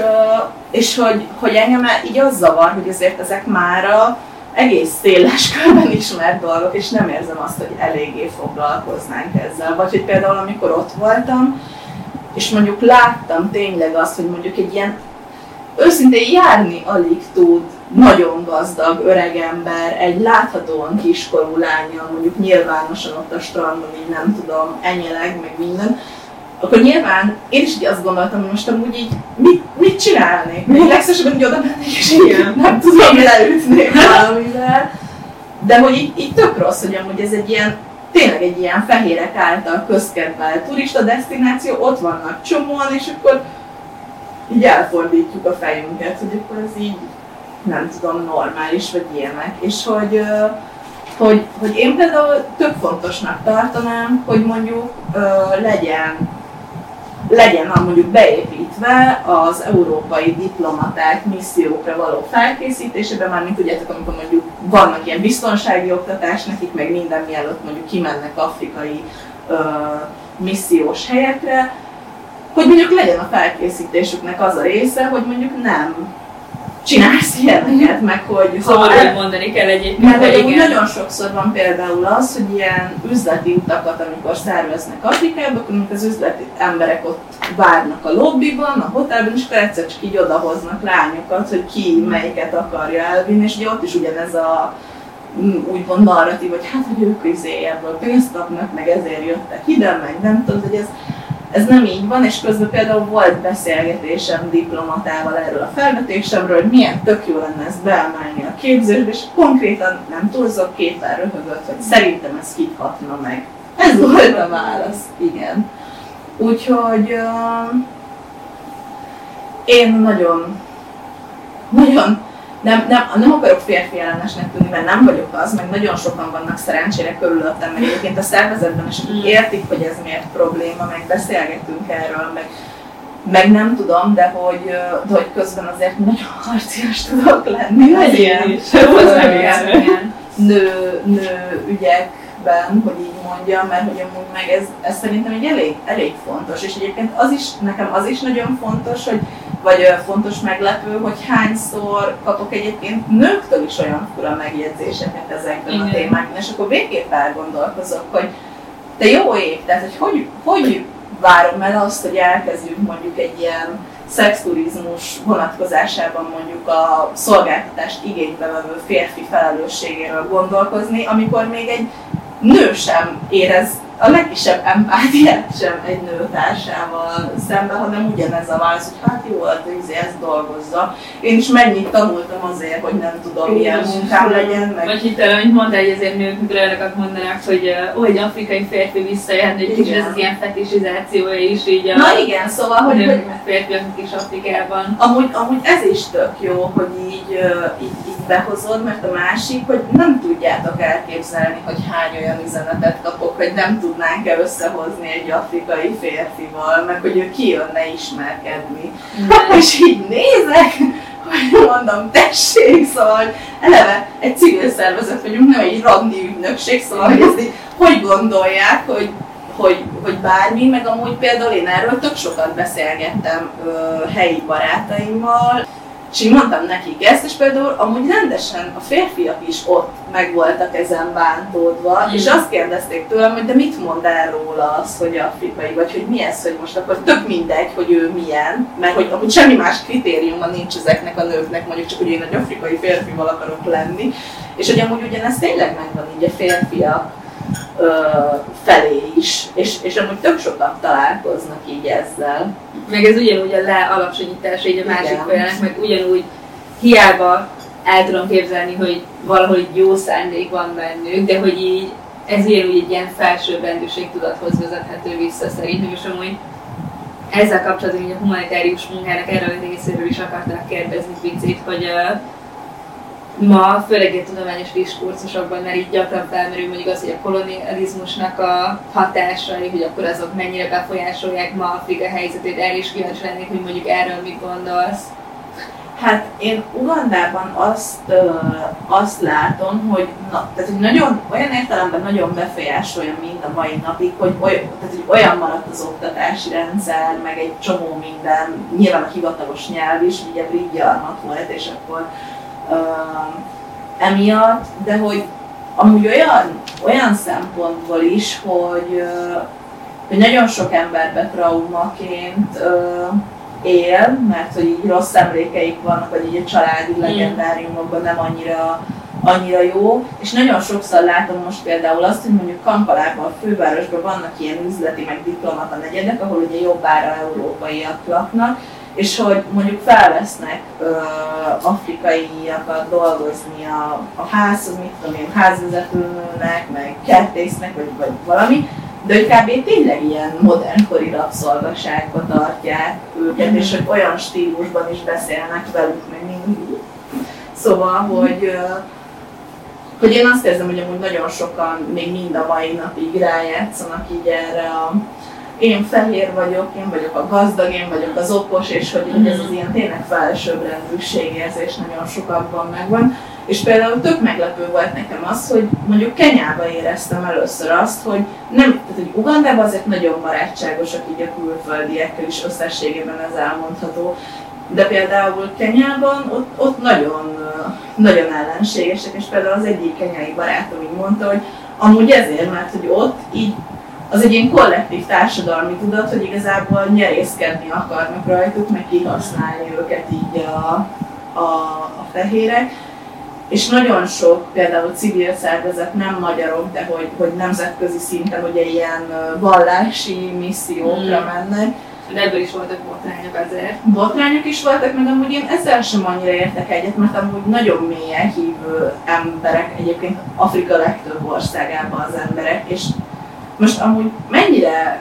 nem tudom, torsz kép ez, hogy így azt gondoljuk, hogy így Amerikából oda kell menni, nem tudom, hirdetni a kereszténységet, és megmondani nekik, hogy amúgy amit ők hisznek, vagy ahogy ők hisznek a kereszténységben, mert amúgy nagyon sokan amúgy keresztény többségű, például Uganda is, csak, csak ott nyilván így a törzsi elemekkel um, vegyül, szóval, hogy, um, hogy, hogy én például, amikor így ezt látom, hogy ezzel se értek egyet, mert mi az, hogy arra szerveződik egy segítő misszió, hogy um, például oké, okay, felépítenek egy iskolát, de akkor nyilván kvázi agymosás történik a gyerekeknek az iskolában arról, hogy meg hogy amúgy mi a jó hit, meg, meg ilyenek. És ugye én közben azt is látom, hogy nagyon sokan nem érzik azt, hogy amúgy sok, sokan például Ugandában is úgy tekintenek, mondjuk így ránk is, meg így általában ugye fehér emberekre, hogy, hogy nem tudom, hogy mi tanultabbak vagyunk, meg egy ilyen magasabb kultúrából jövünk, és hogy nagyon sokszor kevés kérdés nélkül, vagy megkérdőjelezés nélkül elfogadják azt, amit mi mondunk. Mm-hmm. És én sokszor érzem azt, hogy ez ezt nagyon sokan így nem mérik fel, hogy ez mekkora felelősség, mm. hogy akkor tényleg legyél annyira lelkiismeretes, hogy úgy készülsz fel, hogy, hogy tényleg készülsz arra, hogy jól segíts, és ne belepiszkálj valamire, ami aztán sokkal rosszabb. Meg a másik az, hogy nekem volt rossz tapasztalatom még a, nem, nem a szívemben született Afrikával, de előtte ö, időkből olyanokkal, hogy vagy kim voltunk, és akkor mondjuk egy adott orvos vágta a pofákat az emberek, hogy fúj, ők büdösek, meg hogy úristen, de buta, meg nem tudom, és tök mindegy, hogy nem beszél, tehát ő ezt magyarul mondta nekünk, mhm. de hogy az ottani emberek még sokkal jobban leveszik amúgy így a, a nonverbális jeleket, meg a hangsúlyt, mert nyilván az, hogy fintorogsz, az egyetemes, hogy mire fintorog így az ember, Igen. vagy nem tudom. És ugye ez nagy, nekem nagyon-nagyon dühítő is, meg ilyen szívbe markoló is volt látni, mert ugye ugye az emberek, meg én tökre azt láttam, hogy így az identitásuk részévé teszik azt, hogy mi reagálunk rájuk. És mhm. hogyha te például vágod rá a pofákat, meg ilyen, akkor, ő, akkor ő benne tényleg így az van, hogy nem tudom, ő nem egyenértékű, meg hogy, hogy, hogy nem ér annyit, meg úristen, de kellemetlen, hogy koszos, vagy bármi, szóval, hogy ez, szerintem nagyon, nagyon sok nem olyan jó gyakorlatot látok erre, és nekem ezért is nagyon fontos az, hogy például velünk, hogy egy önkéntes kijöhessen, ahhoz ugye legalább egy évig kell hazai önkéntességben részt vennie, és amúgy többek között ezért, mert van olyan, akiről mondjuk kiszűrődik, hogy nem, mm-hmm. tehát hogy, hogy lehet, hogy ő így előre elmondja, hogy mennyire szeretne segíteni, meg nem tudom, csak hogy ahogy ugye folyamatosan találkozunk vele az egy év alatt, mondjuk kiderül, hogy mm. mégsem olyan jók a motivációi, mm. vagy, hogy, vagy hogy egyszerűen nem fog neki ez a terep ö, így működni. Szóval én azt látom, hogy sok szervezetnél arról szól, hogy, hogy így a minél több embert vihessünk ki, meg tetszelekhessünk így ebbe a nagy fehér ember jön és missziózgat dologba. Nálunk nagyon fontos az, hogy minden a helyiekért és őket figyelembe véve csináljuk, szóval csak azért, hogy valaki kijöjjön, nem fog kijönni, hanem tényleg tudjon olyan tisztelettel hozzájuk állni, meg, meg legyen tényleg így a segítségükre. Mm. Ez jó is, hogy mondod, mert erről akartanak kérdezni, hogy hogyha mondjuk segíteni szeretnénk, vagy akár adó egy százaléka, akkor honnan tudjuk azt megállapítani, hogy milyen civil szervezeteknek érdemes adományozni, és mi az, ami egy kicsit átveréses vagy hasonló. Tudsz esetleg erre tippeket mondani? Hát, Igen. Szívem összehetett Afrikának értem. Ja, erről szól az epizód. Igen, nyilvánvalóan. Igen. Amúgy szerintem azért érdemes um, így mondjuk többet utána nézni egy szervezetnek, mert mint úgy értem, hogy ne dőljünk be mondjuk az ilyen hangzatos Uh-huh. szlogeneknek, hanem hogy mondjuk akár csak a Facebookjuk, ahogy görgessünk vissza, nem tudom, pár hónapot, vagy valami, és hogy így nézzük meg, hogy amúgy most csak így azt látjuk, hogy Déci ad pénzt, meg ez, meg az, vagy, vagy hogy, mert, mert amúgy nagyon sokszor amúgy tényleg ez van, hogy olyan meggyőzően van eladva az úgymond, hogy mire fordítanánk a támogatást, meg minden, de szerintem az például egy gyanús jel, hogyha amúgy nem látod, hogy mi valósul meg. Mm. Mármint, hogyha arra utaló jeleket, hogy amúgy történik is valami, azt mondjuk így nem látsz. Szerintem amúgy, ha valakinek így kérdése van, vagy kétsége magában, amúgy érdemes akár írni is annak a szervezetnek. Nekünk például, ha megkérdezik tőlünk, mondjuk a gyerektámogatás kapcsán, hogy honnan látja, vagy tehát, hogy hogy lehet abban biztos, hogy a gyerek kapja meg a pénzt, vagy, vagy hát nem a pénzt, mert nyilván mi, tehát konkrétan pénzt mi nem adunk se gyereknek, se felnőttnek, hanem ugye Mhm. a programjainkban van beforgatva. De hogy nálunk például az úgy van, hogy mi rendszeresen küldünk infót a gyerekről, fotót a gyerekről, a befotózott iskolai bizonyítványait, hogy látszódjon, hogy ugye mondjuk tényleg jár iskolában, meg ugye az, hogy nekem például fontos, hogy az önkéntesek felé is transzparensen kommunikáljunk, és ezért beleláthatnak, hogy, hogy mit csinálunk, mert hogy ugye amikor kijönnek egy-egy misszióra, akkor ha bármit nem úgy csinálnék, ahogy mondom, amúgy elég hamar le lehetne Igen. ö, le lehetne bukni. Amúgy sajnos én azt, azt látom így, és most ezt nem így az Afrikával foglalkozó szervezetekre mondom, hanem általánosságban, hogy ez azért is nehéz, mert én például több olyan, de több olyan beszélgetésem is volt, amiben kiderült, hogy valakinek a tudomására jutott, hogy mondjuk egy-egy szervezet nem úgy működik, de nagyon sok esetben mondjuk ez azért nem lát napvilágot, vagy azért nem borítja a bilit, aki erre rájön, mert annyira amúgy törékeny az emberek bizalma most jelenleg egyáltalán a civil szférában, és ugye én nagyon sokszor hallom azt érvként, hogy azért nem hozom ezt mondjuk nyilvánosságra, mert nem akarom, hogy még a jó szervezetek alatt is nem tudom ezzel vágjam a fát, amit egyrészt megértek, mert hogy amúgy már így is ö, szerintem azért az munka, hogy így bizonyítsuk, hogy mi, mi van, de hogy amúgy szerintem az is érdemes, hogyha mondjuk így nincs egy kifejezett szívügyed, vagy amivel így foglalkoznál, csak mondjuk az van benned, hogy hú, szívesen, nem tudom, adnám valakinek az adó 1%-on, akkor szerintem az is egy jó kiindulás, hogyha egy az ember a saját ismerősi körébe elkezd öm, így szétnézni, mert hogy azért szerintem már a legtöbb embernek van olyan közeli vagy távoli ismerőse, aki kapcsolatban bármi miatt ö, ugye civil szervezetekkel, illetve ugye ahhoz, hogy például adó 1%-ot fogadhassunk, ahhoz közhasznúnak kell lenni, ami amúgy egy ilyen jogi, meg navos átvilágítás kb. Mm. maga a procedúra, szóval mert nyilván az is valami, hogyha azt valaki nél látjátok, vagy például be lehet kapcsolódni, ez nem kötelező a szervezeteknek, de lehet ilyen ö, etikus ö, adománygyűjtő szervezet, nem tudom, tanúsítványért ö, ismerni, amikor így átmész egy ilyen tök alapos procedúrán. Úgyhogy, úgyhogy szerintem, szerintem így, meg, meg igazából az is, hogy én sokszor érzem azt, hogy ha meghallgatsz egy beszélgetést valakivel, vagy így olvasod mondjuk a tartalmait,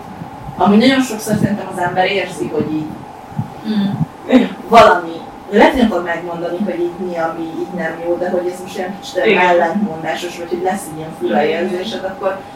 én úgy érzem, hogy ez azért, ezek nem véletlenül van, van Igen. emberben ezek a rossz érzések. Hogyha valaki ö, jelképes örökbefogadó szeretne lenni, akkor milyen kötelességei vannak, illetve akkor mennyi ö, kapcsolata van, vagy pont, mennyire van kontaktban ezzel a gyerekkel, vagy diákkal, akivel, akit választott? Hát ö, mi úgy ö, szoktuk, hogy ha valaki jelentkezik, hogy szeretne játékos örökbefogadó szülő lenni, akkor mondjuk van, aki úgymond ír preferenciát, mert van, aki például azt írja, hogy három év körüli gyereket szeretne, mert hogy az ő saját gyereke is annyi idős, és hogy úgy érzi, hogy jobban tudná mondjuk így a,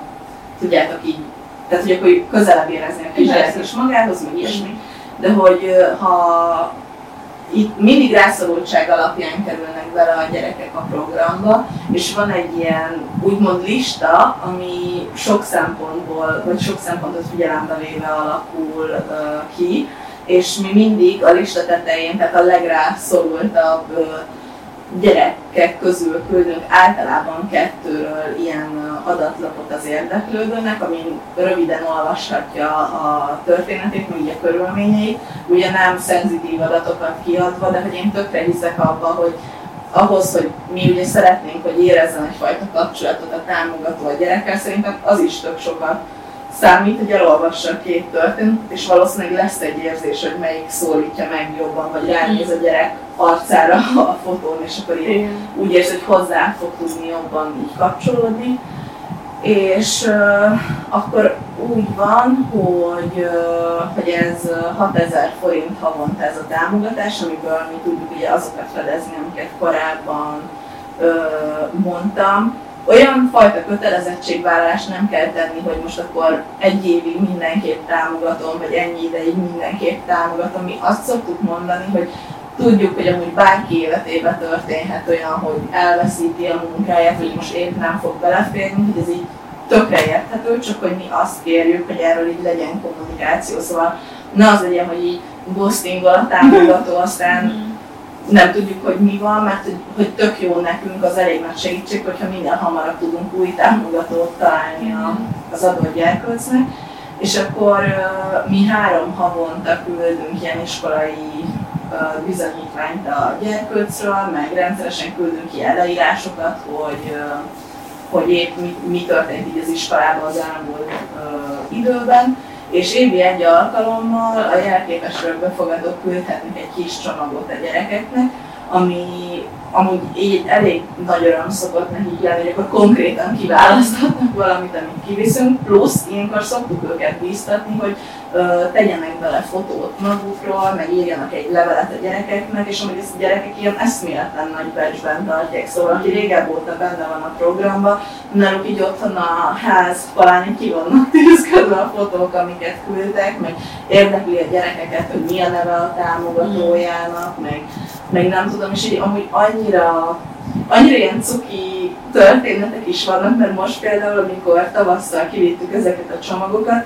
több levélbe is volt, hogy így írták a támogatók, hogy még mesélnek ugye épp arról, hogy miben vannak, hogy hát még nem mondtuk el senkinek, de hogy kisbabánk lesz, és nem tudom, hogy ezeket így megosztják a gyerekekkel, meg hogy például az egyik kisfiú kapott egy ilyen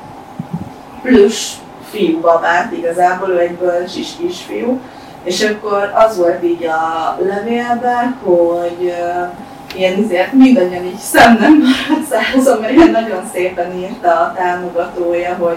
hogy mert nagyon nehéz körülmények között él az a kisfiú, hogy tudja, hogy sokszor nehéz, meg hogy szomorú, de hogy ez a kisbaba mindig így a társa lesz, és hogy amikor fél vagy szomorú, akkor csak így szorítsa. Így mondták így a tanárok utána, hogy ő azóta így el se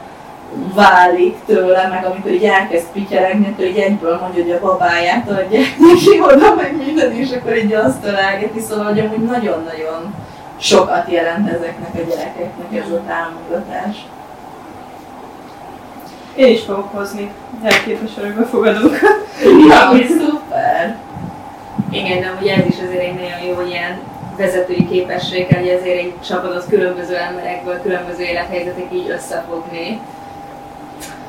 Hát igen, de amúgy törekszem jó, jó, jól vezetni így ezt a csapatot, meg hogy amúgy tényleg így nagyon sokat foglalkozok így úgy, olyan értelemben magammal is, hogy így egyrészt így a mentális jólétemmel, mm. meg hogy úgy tudjak tényleg emberek elé állni, és akkor azt mondani, hogy megyünk, hogy, hogy így, így oké okay legyek magammal is, mert tényleg az, hogy így sokat dolgozok, meg gondolkozok azon, hogy így hogy legyünk még jobban együtt, vagy hogy én hogy tudok még többet segíteni. Úgyhogy meg hogy nekem úgy érzem, hogy nem esik nehezemre mondjuk feladatokat átadni, már mint hogy, Mm. hogy most már van több önkéntes, aki projekteken dolgozik, és nem arról van szó, hogy így megmondom, hogy csináljátok, és onnantól nem érdekel, szóval ezt ne így értsétek, mert nyilván, ha bármilyen kérdésük van, vagy időnként egyeztetünk, csak hogy én nem voltam, és remélem, hogy soha nem is leszek az, aki egy e-mailt nem enged úgy elküldeni, hogy előtte nem Mhm. olvastam át, vagy ilyenek, szóval, hogy, hogy, hogy én így szeretném. Én hiszek abban, hogy az embereknek meg kell adni a bizalmat, amíg nem szolgálnak rá az ellentétére, és akkor sokkal többet tud kihozni magából amúgy egy csapat, hogyha azt érzik, hogy, hogy így hisznek bennük, meg hogy megvan adva az a szabadságuk, hogy mondjuk dolgozzanak egy feladaton egyedül, mint hogyha ilyen kézi vezérléssel mindig mondanám, Mm. hogy akkor most ezt vagy azt. Mik a terveid a jövőre? Ugyanezt akartam kérdezni. Hát remélem, hogy így egyre csak növekszik majd a szervezet, mármint hogy így a reális kereteken belül úgy értem, mert hogy, ahogy te is mondtad, mi azért olyan értelemben egy kis szervezet vagyunk, hogy én azt a szintet nem szeretném elérni, amikor már nem, nem tudunk így a dolgokról, meg hogy nem tudunk tényleg elmélyülten foglalkozni. De remélem, hogy egyre többen csatlakoznak hozzánk majd így önkéntesként, is, meg támogatóként is, meg hogy, hogy tényleg kint is azokat a kezdődő projekteket, amik így most vannak, egyrészt ugye Kenyában, meg Karambodzsában, amik még újabb területek, hogy azokat is tudjuk úgy sikerre vinni, meg úgy segíteni embereknek, mint így a, így a Manafát. És aztán nyilván így magánéletileg, meg, mert így szervezethez kapcsolódó magánéletileg, meg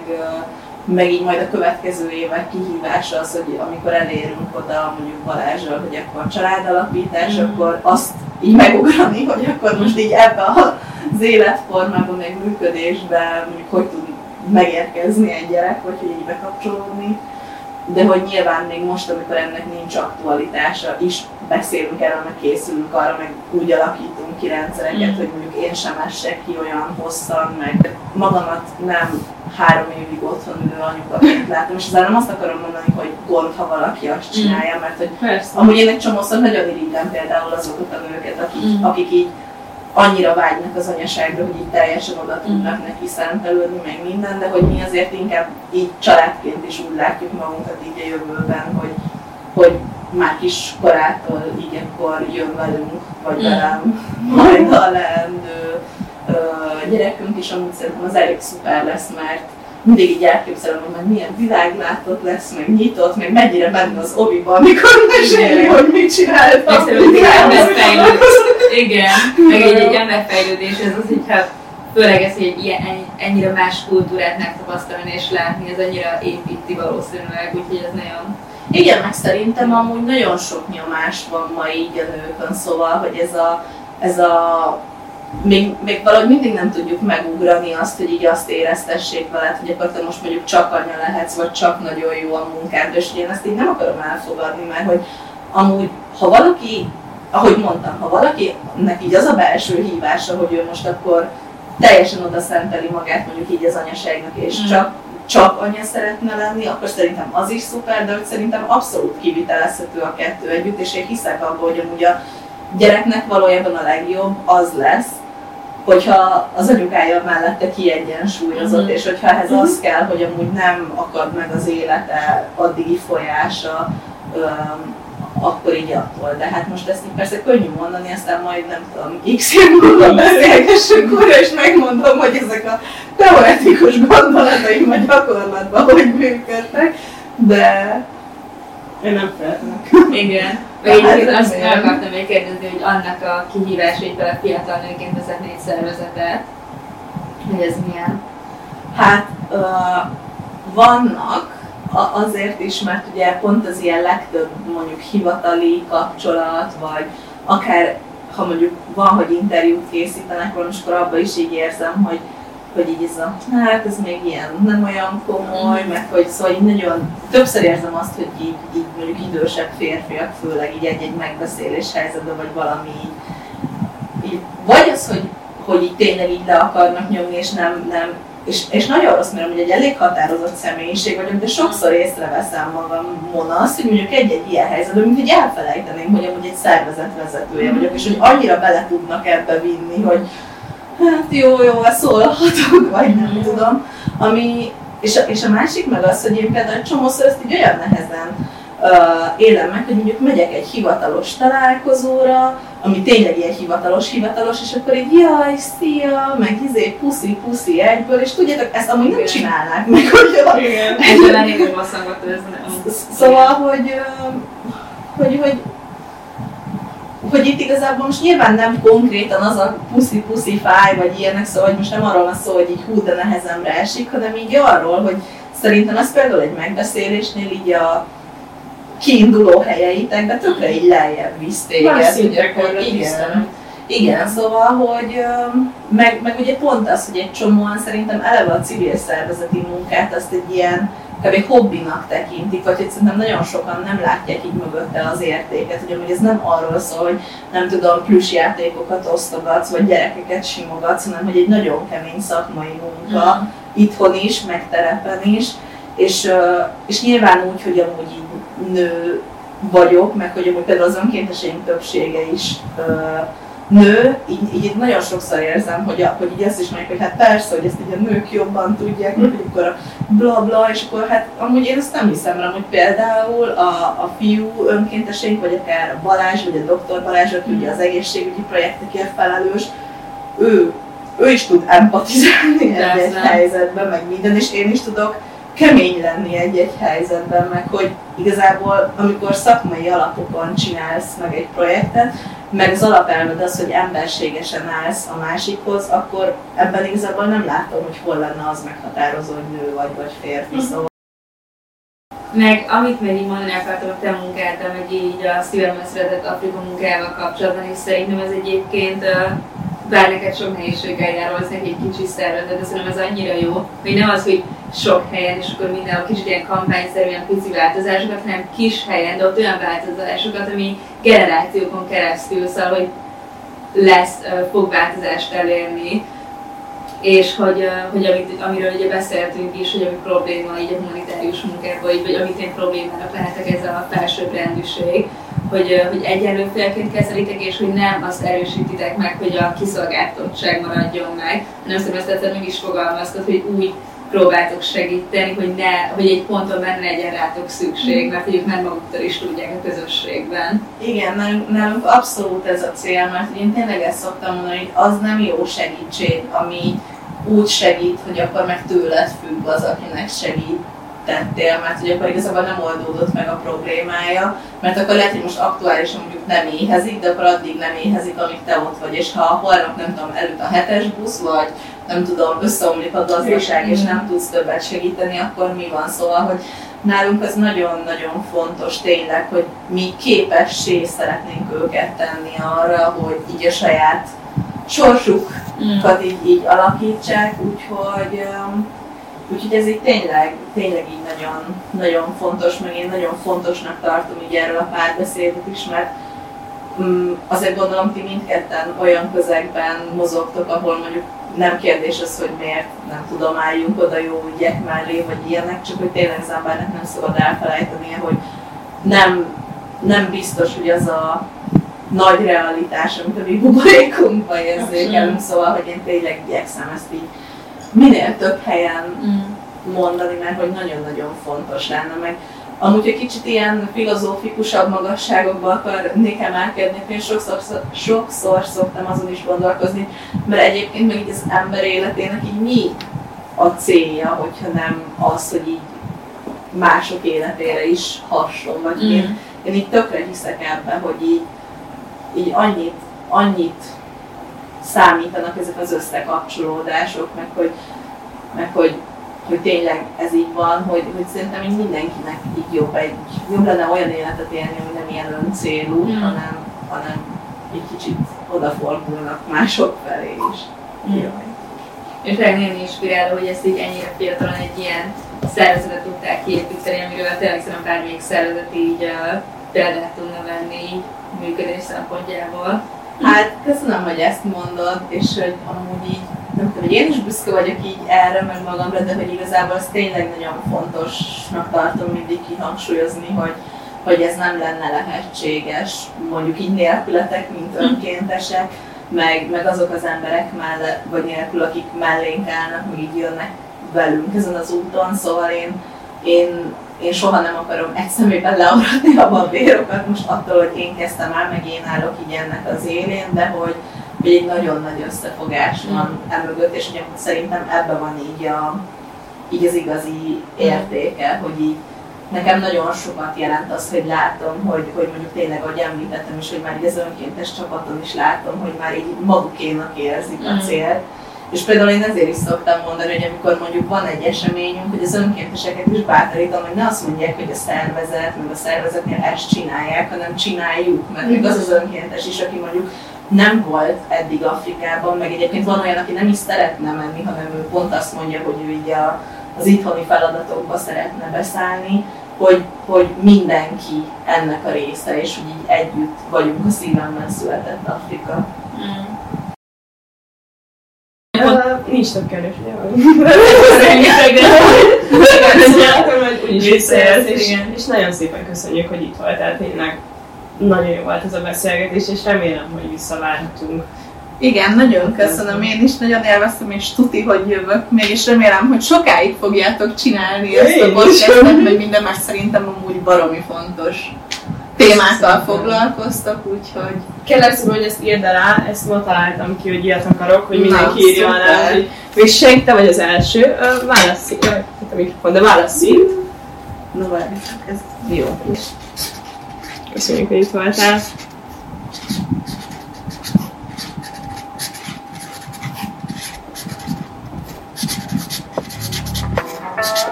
Mondtad, hogy puszi mindenkinek? puszi mindenkinek! Puszi mindenkinek!